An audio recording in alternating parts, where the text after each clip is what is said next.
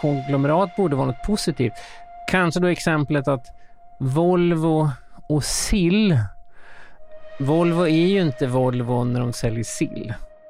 Det handlar om hennes kompis Kalle som var både skinhead, alltså nynazist, rullstolsburen och döende i aids.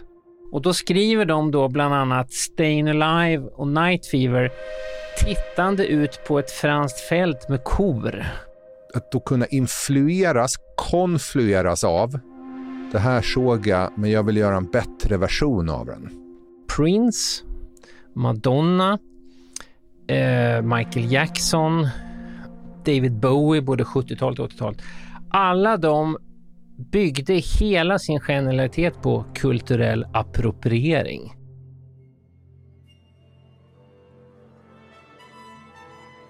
Vi är väldigt glada att Gradvall och Magnus den här säsongen presenteras av Adrigo. I slutet på avsnittet kommer du få träffa Staffan från Adrigo.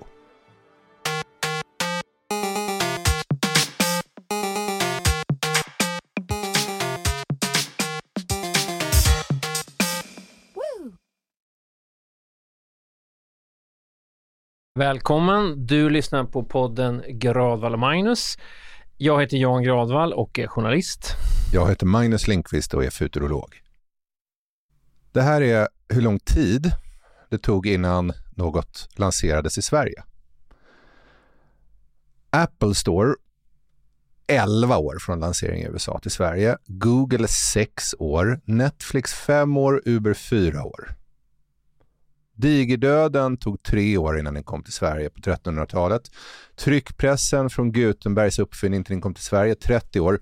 Reklam på tv 40 år. Samkönade äktenskap var Sverige 20 år efter Danmark. Starbucks 38 år efter att det kom till i Seattle till att det kom till Sverige. Högertrafik fick vi 109 år efter Finland ansiktsmasker i kollektivtrafik tio månader efter alla andra länder i pandemin. Började med det och debatten gangsterrap är skadligt för samhället så låg vi ungefär 30 år efter USA. Det här är också en väldigt rolig kontrast till bilden av Sverige vår egen självbild, vi är på allt, vi är väldigt tidiga med saker. Det är liksom Sveriges styrka att vi snappar upp saker tidigt. En annan av de här sakerna som punkterar det också, jag tänkte på TV. Dallas var ju den största serien på 80-talet. Eh, och den kom alltså till Sverige tre år efter den gick i USA. För att då hade Sveriges Radio diskuterat klart vid den var lämplig att sända eller inte och den hade förmodligen sjunkit i pris. Tänk nu om en serie som The Queen's Gambit hade kommit till Sverige tre år efter att resten av världen hade sett det. Men så har Sverige sett ut och som den här uppräkningen av exempel som du visar, det är nästan ett det, det, är en del av det svenska tänkandet att man är väldigt försiktig slash långsam slash ängslig slash dum med att introducera nya saker. Men har självbild att man är snabb på bollen. Mm jag minns ju när jag någon gång i tiden gjorde en turné i modiga kommuner. Um, det var en organisation som hade nominerat en massa kommuner till att vara modiga. Ju mindre kommunen var, desto mer självförhärligande var de. Så när man kom till typ Grums så bara, här är paradiset på jorden. Det är vackert, du har tid, det är nära till allt. Och då förstod man att det här är öken. Och samma sak tror jag med Sverige. Det är ett grund och botten glesbygdsbondeland sena på bollen. Då kan antingen leva med det, mm. som du är inne på nu, och det kan vara styrka. Men istället uppfinner du en myt om att du är trendkänslig. Väldigt länge gick det ju någon sån här eh, eh, faktoid, att Sverige är minsann en testmarknad för. Det enda problemet med den faktoiden är jag har varit i 30 olika länder som alla sa we are in Slovenia are a test market for Levi's jeans. We are in the Slovakia. We are... Så alla länder som börjar på S har någon slags självförhärligande nationalistmyt istället för att förlika sig med det faktum. Det är också ett modernt fenomen också att då många svenska kommuner som är ändå trots allt välmående, trots allt tal om kris jämfört med andra länder så är det väldigt välmående, har du råd att skicka 29 personer till South by Southwest och ska bli inspirerad av det nya som kommer och sen kommer hem och säger att vi är framtidskommunen. Och här kommer vi då in på styrkan med att vara sena på bollen, med att vara en laggard, som det heter i marknadsföringska. Det vill säga, du är sen på bollen-människa. Styrkan med det är ju att du kan upptäcka saker i omvärlden som du tar hem till Sverige. Du behöver alltså inte uppfinna särskilt mycket nya saker. Man skulle kunna säga att R&D står för Rip-Off and Duplicate istället för Research and Development. Du behöver bara sno och kopiera.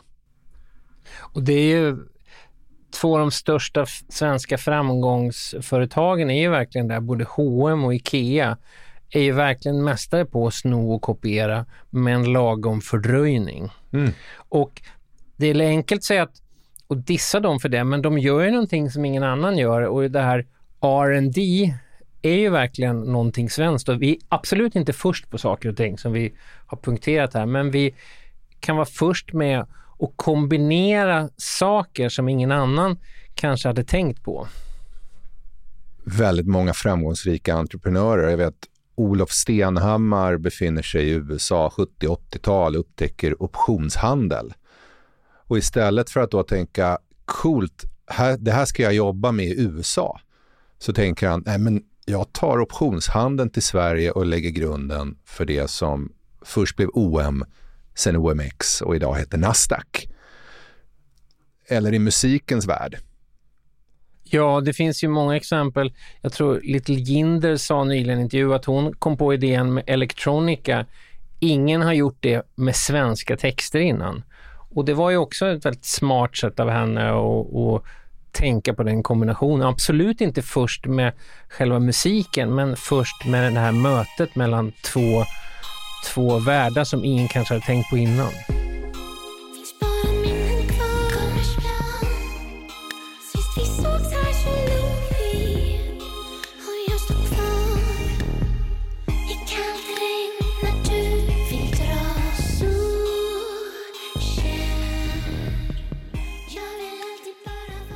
Det är just det här mötet mellan världar som vårt avsnitt handlar om. Vi kallar det för konfluenser.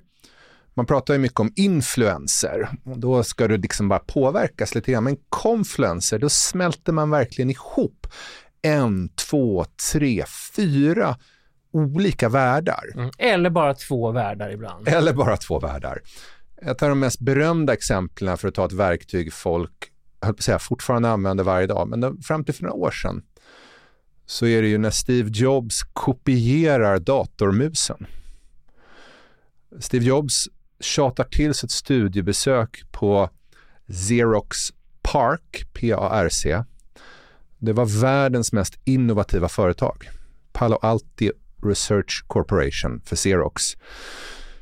Då har de bland annat hittat på tio år för tidigt en persondator med graf grafik istället för text och att man då kunde kontrollera saker med en, med en datormus. Och det här bestämmer sig då Steve Jobs för att rip off and duplicate. Men han remixar det lite. Xerox Alto-dator som den heter har en väldigt, väldigt dyr mus som har en tendens att gå sönder. Han vill ha något billigt med bra kvalitet. Och, och det här är ju, alltså, att att då kunna influeras, konflueras av. Det här såg jag, men jag vill göra en bättre version av den. Bra musikaliskt exempel som jag alltid tänker på är Paper Planes av MIA.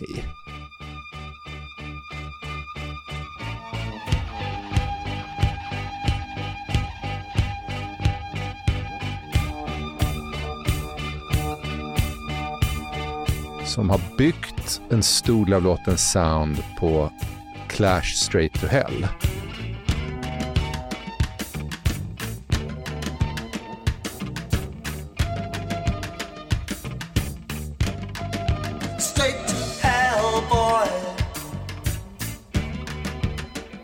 straight to hell,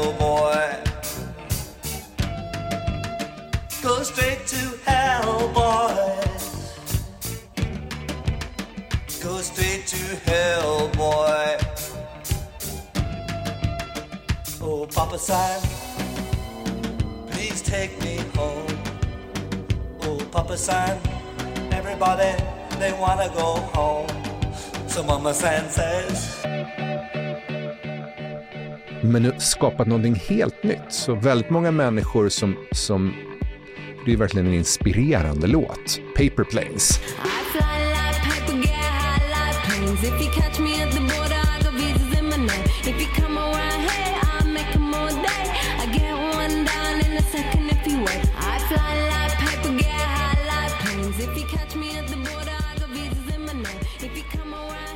Även om man då som gammal gubbe talar om att det är en Clash-låt så bryr de sig inte för att det är det nya det står för. Det är verkligen en konfluens.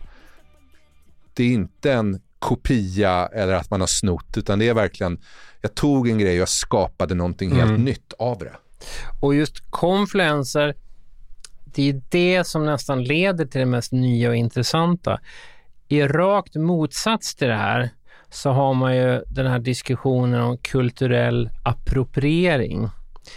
Eh, och det är liksom en diskussion då som handlar om att någon tar av en annan kultur utan att själv vara en del av den och utan att förstå den och använder detta själv. Och det har ju blivit ett skällsord nu.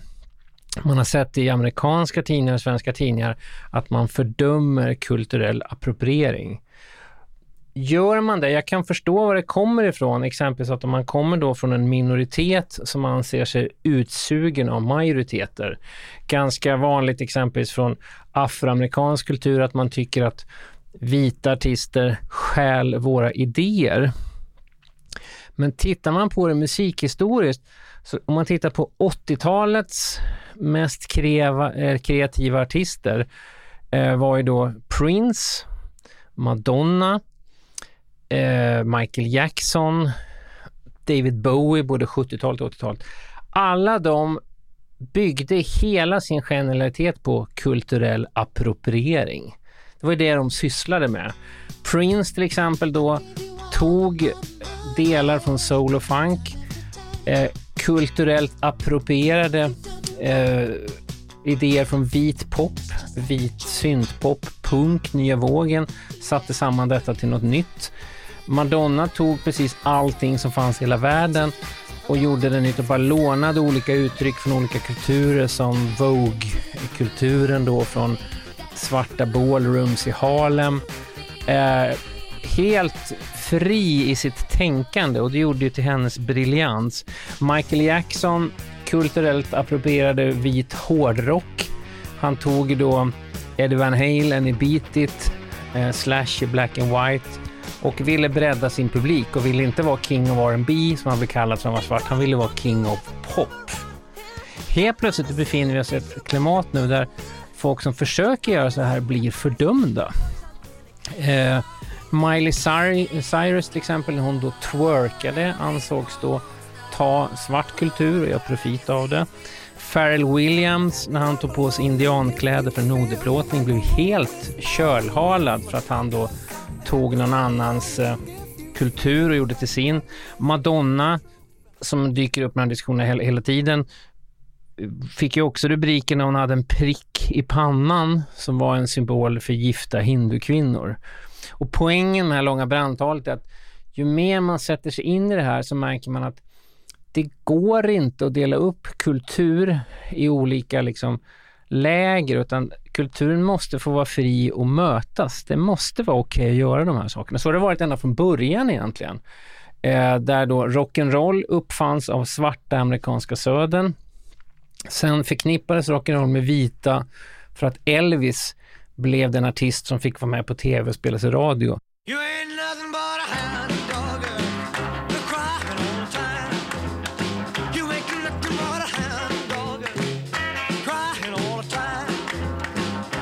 Var det så enkelt att Elvis snodde de svartas musik? Nej, han tillförde något helt nytt. Han kombinerade den här blues R&B med saker från country och skapade något helt unikt genom sin konfluens. Jag tänker två saker. Jag tycker det här är fantastiskt. Vi kallar det för brandtal gärna. Ehm, dels så finns det ett fenomen som heter minoritetens tyranni. Det enklaste exemplet för att ta någonting, det är jordnötsallergi på flygplan. Ibland får man höra då, vi har en person, eller innan man fortfarande fick flyga, fick man höra, vi har en person ombord som är jordnötsallergiker, vi är tacksamma om ingen äter jordnötter. Och det kan man ju tycka är acceptabelt sådär. Jag kan ibland undra om man är så dödligt allergisk mot någonting ganska vanligt, ska man då ens, men spelar roll, jag kan finna mig i det. Det är inte så viktigt för mig att äta jordnötter. Men det här har ju sen fortsatt alltså, i väldigt många platser och kulturer där några säger, för oss är det kränkande att du har utsläppt hår. Vänligen göm det. Eller för oss är det, och de är så arga så du backar hellre. Jag brukar dra liknelsen, tänk om det kom någon i Sverige som sa, eh, jag tycker vi ska börja köra på vänster sida igen. Dels så kan du se statistiskt hur mycket bättre Sverige var då. Det gick bättre och vi var, så det, det är liksom bättre, det förstår ju alla. Eh, och så kan man fortsätta driva undersökningar om det här. Man kan föra ett krig mot institutionerna. Man kan anklaga institutioner. Polisen förtrycker oss som vi kör på vänster sida. Och det räcker med att få, få med sig en liten arg mobb i det här för att väldigt många människor backar undan. Oj, oj, oj, är det så viktigt för oss vilken sida man kör på? Äh, vi kan väl lika gärna göra som dem. Det är det ena, alltså minoritetens tyranni. Den andra delen är begreppet kategori. Detta så faktiskt ofta använda. Vi får ibland för oss att kategori är någon slags naturlag. Mm. Så det är väl, vi får kalla det för Carl von Linnés fel. Han var så bra på att kategorisera att folk fick för sig att blommor liksom föddes i ett visst eh, facklig term. Inte bara fanns, inte bara levde och muterade och evolverade. Kategori kommer från grekiska ordet som betyder att anklaga något. Det vill säga, det är någonting man slänger ja. på något för att sortera. Och jag började fundera på det här, för vi, vi fick ett fanbrev av Thomas Andersson Vi som började sin karriär som journalist och sen sadlade om för att satsa helhjärtat på musiken. Och han berättar för oss här i det här brevet att alla tyckte det var ett gigantiskt problem att han var ju en popskribent som skulle börja göra musik. Det går ju inte. Det såg som ett problem och ett hot och tjänstefel. Snabbrulla bandet många år framåt. Han är en väldigt populär, uppskattad, framgångsrik artist som nu när han inte kan turnera börjar göra en podd som heter Hundåren och man ser då hur det här kommer samman, konfluerar. Den journalistiska karriären och hans musikkarriär konfluerar och han kan intervjua artister på ett sätt som i princip ingen annan journalist kan. Men jag tror att kategoribrott blir ett hot. Mm. Och bara de, själva definitionen just kategori och, och som världen ser ut nu så börjar det kännas väldigt förlegat och gammaldags att tänka på det sättet. Och det är olyckligt att i kontrast till detta så kommer de här diskussionerna nu. Jag, jag bara kom på att tänka på ett ytterligare exempel är Adam and the Ants som var engelskt eh, popband med Adam Ant på, under MTV-eran på, på 80-talet.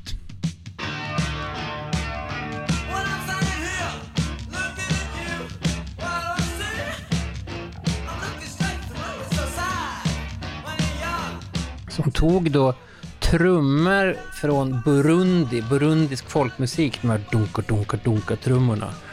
Eh, och så tog han smink från apache-indianer, eh, tog på sig kläder från den franska revolutionen och sen framförde alla, allt detta som man uppträdde på gayklubbar i London sent 70-tal.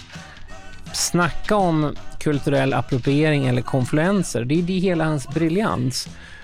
Och skapar vi ett klimat där man inte kan tänka så, då stryper man ju många bra idéer. Men det, och det, räck, men det räcker ju att några få säger emot. Jag, menar, jag är en stor beundrare av, av den numera framlidna irakisk-brittiska arkitekten Zaha Hadid. Hon berättade väldigt ofta att hennes stora influens som, som arkitekt, konstnärskapare, det var den ryska målaren Kazimir Malevich som brukar kallas för modernismens, kubismens fader. om man googlar eh, Malevichs målningar så kan man se i till exempel BMW i8s fabrik som Saadid gjorde att det ser nästan likadant ut. Och jag tycker det är fantastiskt. Mm, mm.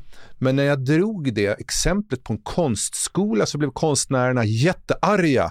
Och, och jag ska faktiskt vara fair jag tror att om vi var 30 studenter så var det nog bara fyra som blev arga. Men de blev väldigt arga. Hur kan du likställa ett tyskt kommersiellt företag med en, med en känd rysk konstnär? Så det här kategoribrottet som du och jag säger krävs för konfluerande som är själva skapandet, som är livets kärna. Mm, mm. Hela idén med den här podden kan man säga. Exakt. Blir då eh, någonting som väcker förargelse, vrede och faktiskt om jag vill, fick tolka de här fyra studenterna rätt, en vilja att utplåna det. Det var inte bara att det var dåligt, det var det där ska inte få finnas. Sahadid också, jag håller med hon, hon, hon, hon älskade så här högklackade skor Eh, och, och, då sa hon att den här byggnaden, jag, jag, gjorde en högklackad sko. Jag kommer inte ihåg vilken det är, men att man ändå kunde ta den från superkommersiellt mode och föra över det till arkitektur. Det är precis den typen av korsbefruktningar som berikar den. En av de bästa korsbefruktningarna från näringslivet berättade Lars Baxell för mig. Han är sedermera känd för att ha skapat Resifarm som tillverkar typ Alvedon åt företag. Men en gång i tiden var han en eh, säljare för ett danskt företag som heter Koloplast. Koloplast tillverkar stomipåseplåster. Och Koloplast hade gjort en uppfinning vilket byggde på att före Koloplast så var väldigt mycket stomipåseplåster plastiga. Så när man satte dem på magen, alltså när du har blivit stomiopererad, då, då, då bajsar du i en påse eller kissar. Och när du då satte fast den på magen så var det som ett plastliknande plåster vilket skapade fukt och skavsår och irritation. Och Koloplast hade gjort ett fuktabsorberande plåster. Så det var väldigt mycket mer skonsamt och det här sålde Lars Baxell till olika sjukhus och vårdkliniker. Så hade han bytt stad. Jag tror att han hade varit verksam i någonstans Uppland och nu var han tvungen att jobba från Göteborg. Där hade han inga kompisar så han var gammal korplagspelare och nu joggade han mest och så var det erbarmligt dåliga joggingskor. Det var innan Nike hade influerats av ett våffeljärn för att skapa fluffiga sulor. Så det gör att han får väldigt snabbt skavsår och en kväll klipper han till lite stomipåseplåster och sätter på hälen. Och det är en mirakelkur. Nästa dag så kan han jogga obehindrat och det suger upp fukt och det sitter nästan som ett dubbelt hudlager. Så han börjar sälja det här. Och så ska han börja namnge det då, så han tänker comfortable feeling, comfeel. Reklambyrån hör fel, skicka tillbaka lådor med namnet Compid. Koloplast säljer några år senare Compid till ett annat stort läkemedelsbolag och tjänar ohyggligt mycket pengar. Lars Baxell tjänade i princip inte krona på det, men blev rik senare. Och det här obehindrade här. Och jag, jag tror att när jag lyssnar på dina exempel här med Michael Jackson och liknande, allt är problemlösning. Exakt. Man söker rätt. Jag, jag, vet, både du och jag var väldigt influerade av en dokumentär om Bee Gees som berättar hur de hittade på discosoundet nere i Miami. Mm. Den finns att eh, hyra digitalt via SF Anytime bland annat, som man absolut ska se. Men det är ju... Vänta, vi måste ju bara ta exemplet. Vi måste ta exemplet, ja. Med dem. Därför att de är, det, är, det är lite deras år noll efter flera år som någon slags ganska konventionellt boyband så har de nått lite vägs ände med det lite gamla 60-talssoundet och hänger nu istället i Miami. Och Miami det är soligt, det är vackert, det är lite flärd för de här australiensens födda i England uppfostrade ynglingarna. Men så kör de på en bro och lyssnar på däcken. Det är ungefär som att man sitter och tänker på ingenting, så hör de plötsligt på däcken att när de når de här brofästena, eller skarvarna, vilken skön takt. Och det blir grunden till jive talking som föder en helt ny genre i disco. Ja, för att vara helt korrekt, de är inte ensamma. Det finns andra artister som gjorde det, men det blev Bee Gees väg in till diskon, hur Bee Gees förändrar sitt sound. Sen gör ju Bee Gees också en annan sak sen då, att deras manager eh, Robert Stigwood eh, köper rättigheterna till en tidningsartikel om discovågen i USA och beslutas göra film på denna eh, tidningsartikel i New York Magazine. Eh, det, detta blir då filmen Saturday Night Fever, men ingen förstår ju på pappret hur stort det skulle bli. Så när de ska repa dansscenerna med John Travolta så kör de just Jive Talking som är ju verkligen nyskapande låt av Bee Gees som passar perfekt för det här nya soundet. Och soundet kom från brofesten. Ja, i brofesten i Miami. Då klipp till att Bee Gees befinner sig sen i Frankrike och ska testa ett nytt. De har gjort det här i Miami, så befinner de sig i Frankrike, på landet på bondgård. Managern säger så här, kan ni skriva några fler låtar som Jive Talking? Och då skriver de då bland annat Stayin' Alive och Night Fever tittande ut på ett franskt fält med kor. Då skriver de de här ikoniska låtarna för New Yorks discokultur är skrivna i Frankrike. Apropå hur de hela tiden det som är magin där att influenserna kommer så att säga från fel håll och gifter ihop sig och konflueras i Bee Gees musik. Jag tyckte det var väldigt fint uttryckt. Um, det finns en, en um, amerikansk medborgare född i Ghana, boendes i London, som har skrivit och tänkt och filosoferat. Han heter Kwame Anthony Appiah och han skrev en väldigt berömd uppsats som hette The Case for Contamination. Alltså eh, i förs ett försvarstal för att förgifta saker. Men han pratade, och han sa det så bra i den här essän, när vi håller fast vid att vissa platser, regioner och kulturer ska hålla fast vid sin kultur, då är det ofta en överhet som säger till dem att just det där uttrycket ska frysas i tiden. Det får inte då förgiftas eller blandas ihop med något annat. Det blir då en stagnation egentligen mm. i det. Men jag tänker om det hade varit en eh, eh, grupp som vurmade för att Miamis broar får man absolut inte utmana och påverkas av. Eller att vi hade det statliga disco-ministeriet som sen sa nej, disco får bara vissa starta. Eh, du måste ha en discobandsoktroj och nu, licens. Nu, nu sysslar du med satir. Det värsta är att detta var ju verkligt på 70-talet där då Svenska Dansbandsföreningen försökte förbjuda diskmusik för att den tog jobben ifrån dem och menar på att en diskjockey tar vårt jobb. Det fanns en väldigt rasistisk underton i det där också. Mm. Men jag tänkte när man själv tar del av saker, det jag tycker det blir väldigt tråkigt om jag läser en konstrecension och den bara eller refererar till tidigare konst så tappar jag ofta intresset. Jag tror att det också har en ganska begränsat läsvärde. Likaså musikrecensioner som bara refererar till annan musik som har gjorts.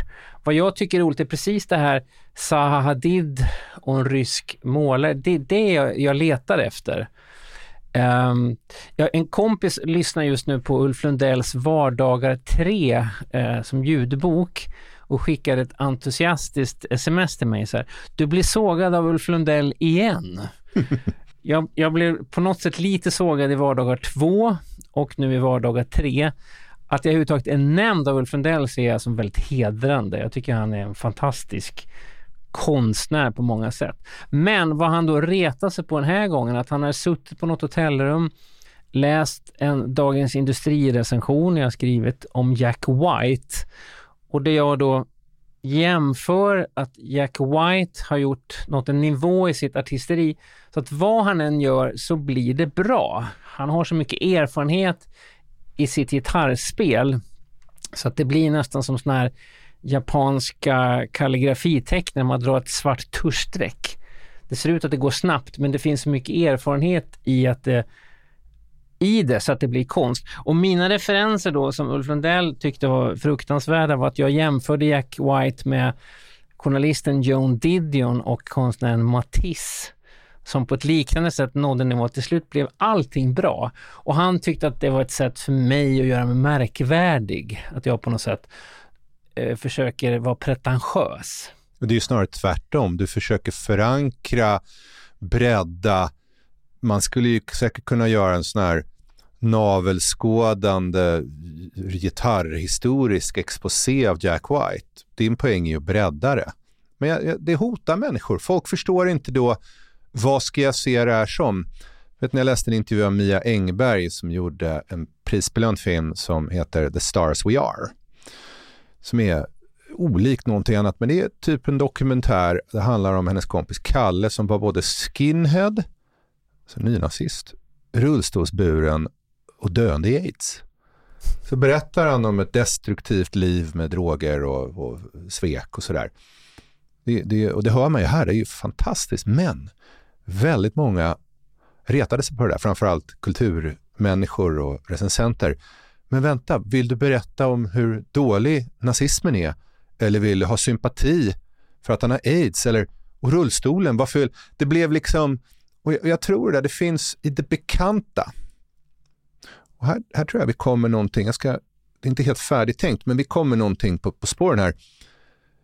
Vi vill inte att människor ska vara xenofober och främlingsfientliga och tar man från en annan kultur och gör olovligen, då är du det. Men, men ironin blir ju tvärtom, att vi, vi vill bara röra oss i det bekanta med tydliga ramar och murar mellan kategorierna.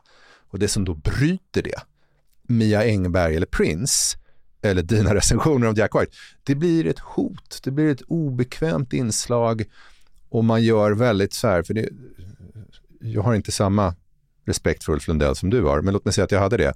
Det är ändå ett väldigt tarvligt påhopp. Det är väldigt jantelaget. Han försöker göra sig märkvärdig. Det är inte Ulf Lundells dialekt, men... Till hans försvar ligger väl att de här vardagarna är extremt inspirerade av Lars Oréns dagböcker, att man ska liksom till synes hälla in allt, att man ska visa sina futtiga sidor och sina stora sidor. Men jag tycker framförallt det här att i det här fallet, för att återgå till det exakta fallet, att en popskribent som refererar till att musiken kan ha någonting att göra med en författare och en konstnär uppfattas då som pretentiös och elitistisk. Egentligen är det ju, oavsett vad man tycker om det exemplet, precis tvärtom. För att om man refererar till andra saker, då öppnar man ju upp. Det, det finns kanske att helt plötsligt någon som tyckte om Joan Didion kan undra, vänta hur låter den här Jack White eller inte? Så att genom att använda referenser från olika håll, det är snarare så man öppnar upp världen än stänger världen. Den som tycker att en rockrecension ska vara en rockrecension låter ju, förbjuder ju världen att växa. Och utvecklas. Det var ju för övrigt Anita Roddick, Bodyshops grundare, hon fick alltid frågan hur hon trendspanade. Eller hur hittar du det nya? För hon låg ju verkligen 5, 10, 20, 15 år före tiden. hon sa, nej men jag tror att det är väldigt viktigt att vara en opportunistisk samlare. Man samlar det man ser, högt, lågt, smalt, brett, Matisse, eh, finkultur, fulkultur, tv. Det hänger ihop med att vilja mata brunnen. Men, men det finns också en, en konstruktiv dimension av det skavsårsplåstret föddes av stomipåsetejp. Eh, King of R&D blir R&D, King of R&B blir King of Pop genom att man remixar och tar in och lånar in. Du gjorde mig uppmärksam på ett exempel där vi börjar gå ifrån tanken på 10 000 timmar. Väldigt länge och för många fortfarande så finns det någon slags tanke om att du ska ägna 10 000 timmar åt något för att bli bra.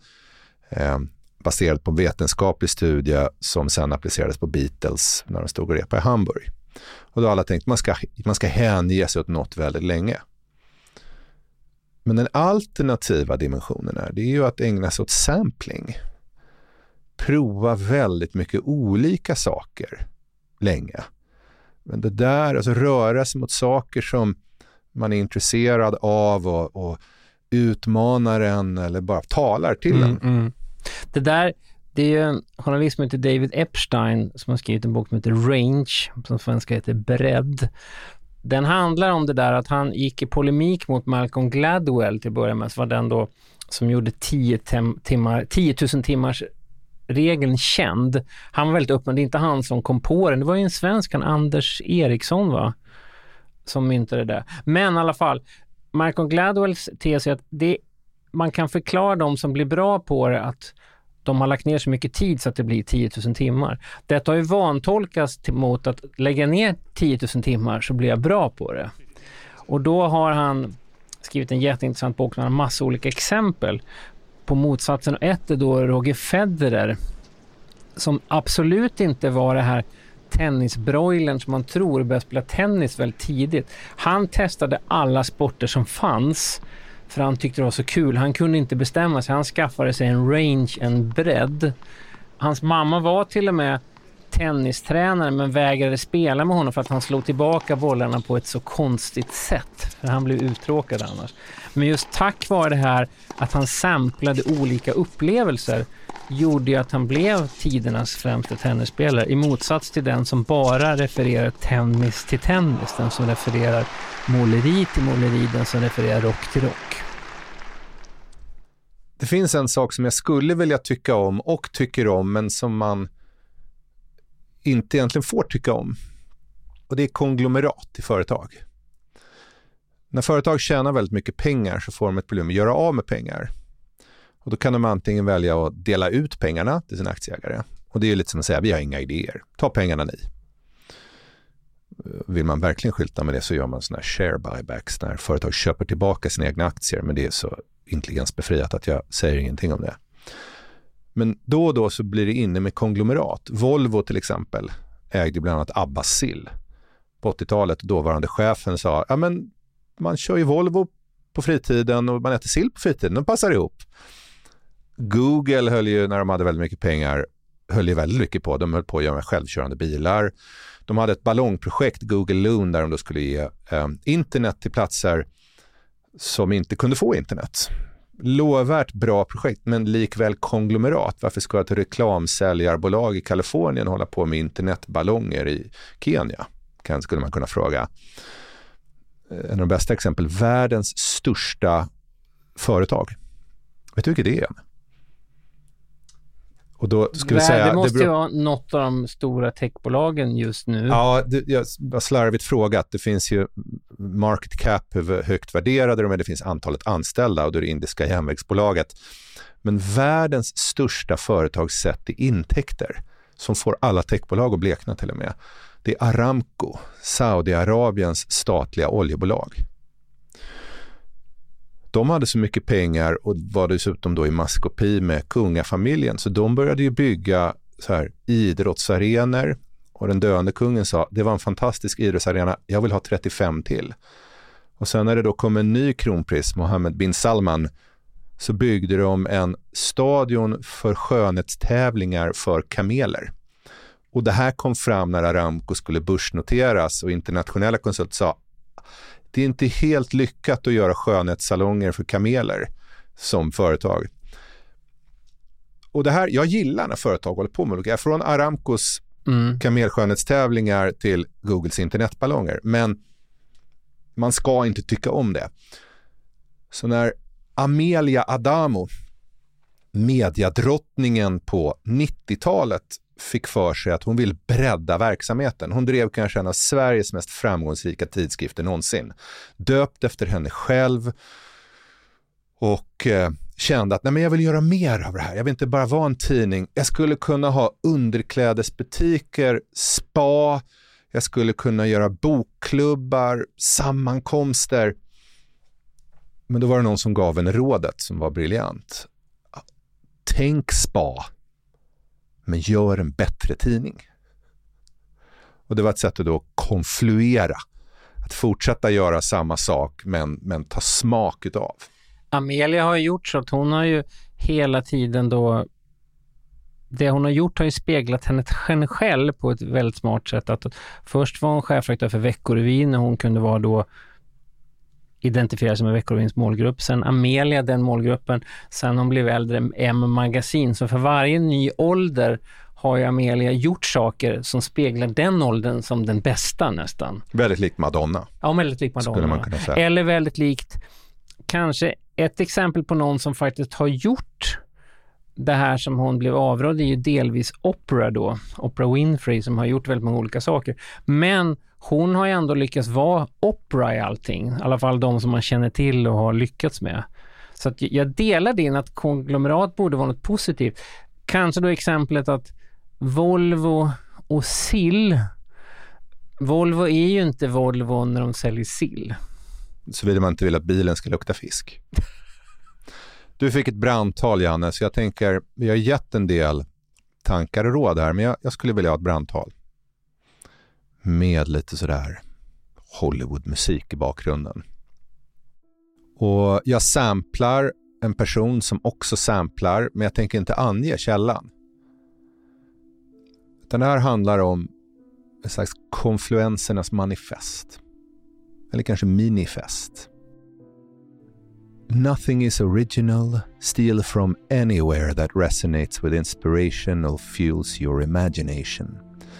Devour old films, new films, music, books, paintings, photographs, poems, dreams, random conversations, architecture, bridges, street signs, trees, clouds, bodies of water, light and shadows. Select only things to steal from that speak directly to your soul. If you do this, your work and theft will be authentic. Authenticity is invaluable, originality is non existent. And don't bother concealing your thievery. Celebrate it if you feel like it. In any case, always remember what Jean Luc Godard said it's not where you take things from, it's where you take them to. Spela upp den här podden en gång till och lyssna på det där för att precis det här citatet förklarar avsnittet och att det förklarar hela vår podd.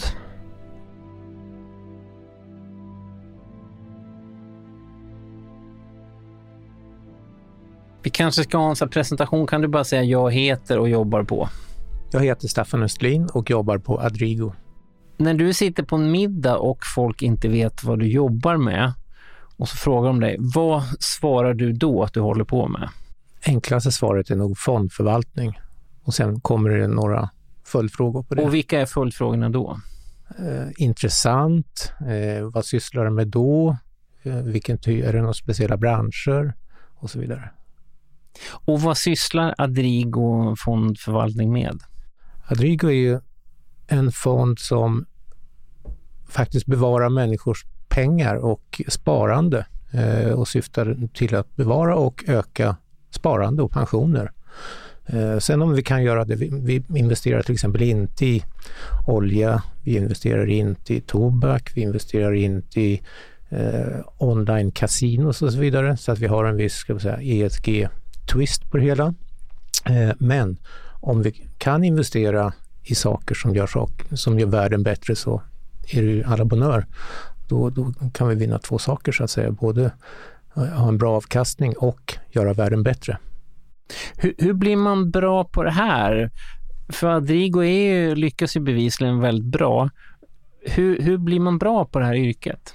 Jag tror att en av de viktigaste sakerna det är att ha en bred bild eller utgångspunkt så att säga. Att man, man, det är väldigt lätt att bli strömlinjeformad, att väldigt många människor i den här branschen är, har gått samma utbildningar, läser samma böcker. Jag tror att det är viktigt att eh, inte bara läsa den typen av böcker utan läsa skönlitteratur. Jag tror att det är viktigt med musik. Jag tror att det är viktigt att träna, att eh, så att säga gymnastisera hjärnan eh, för att få liksom intrycken och att, att eh, där också massera de intryck som, som man får Eh, i det dagliga arbetet.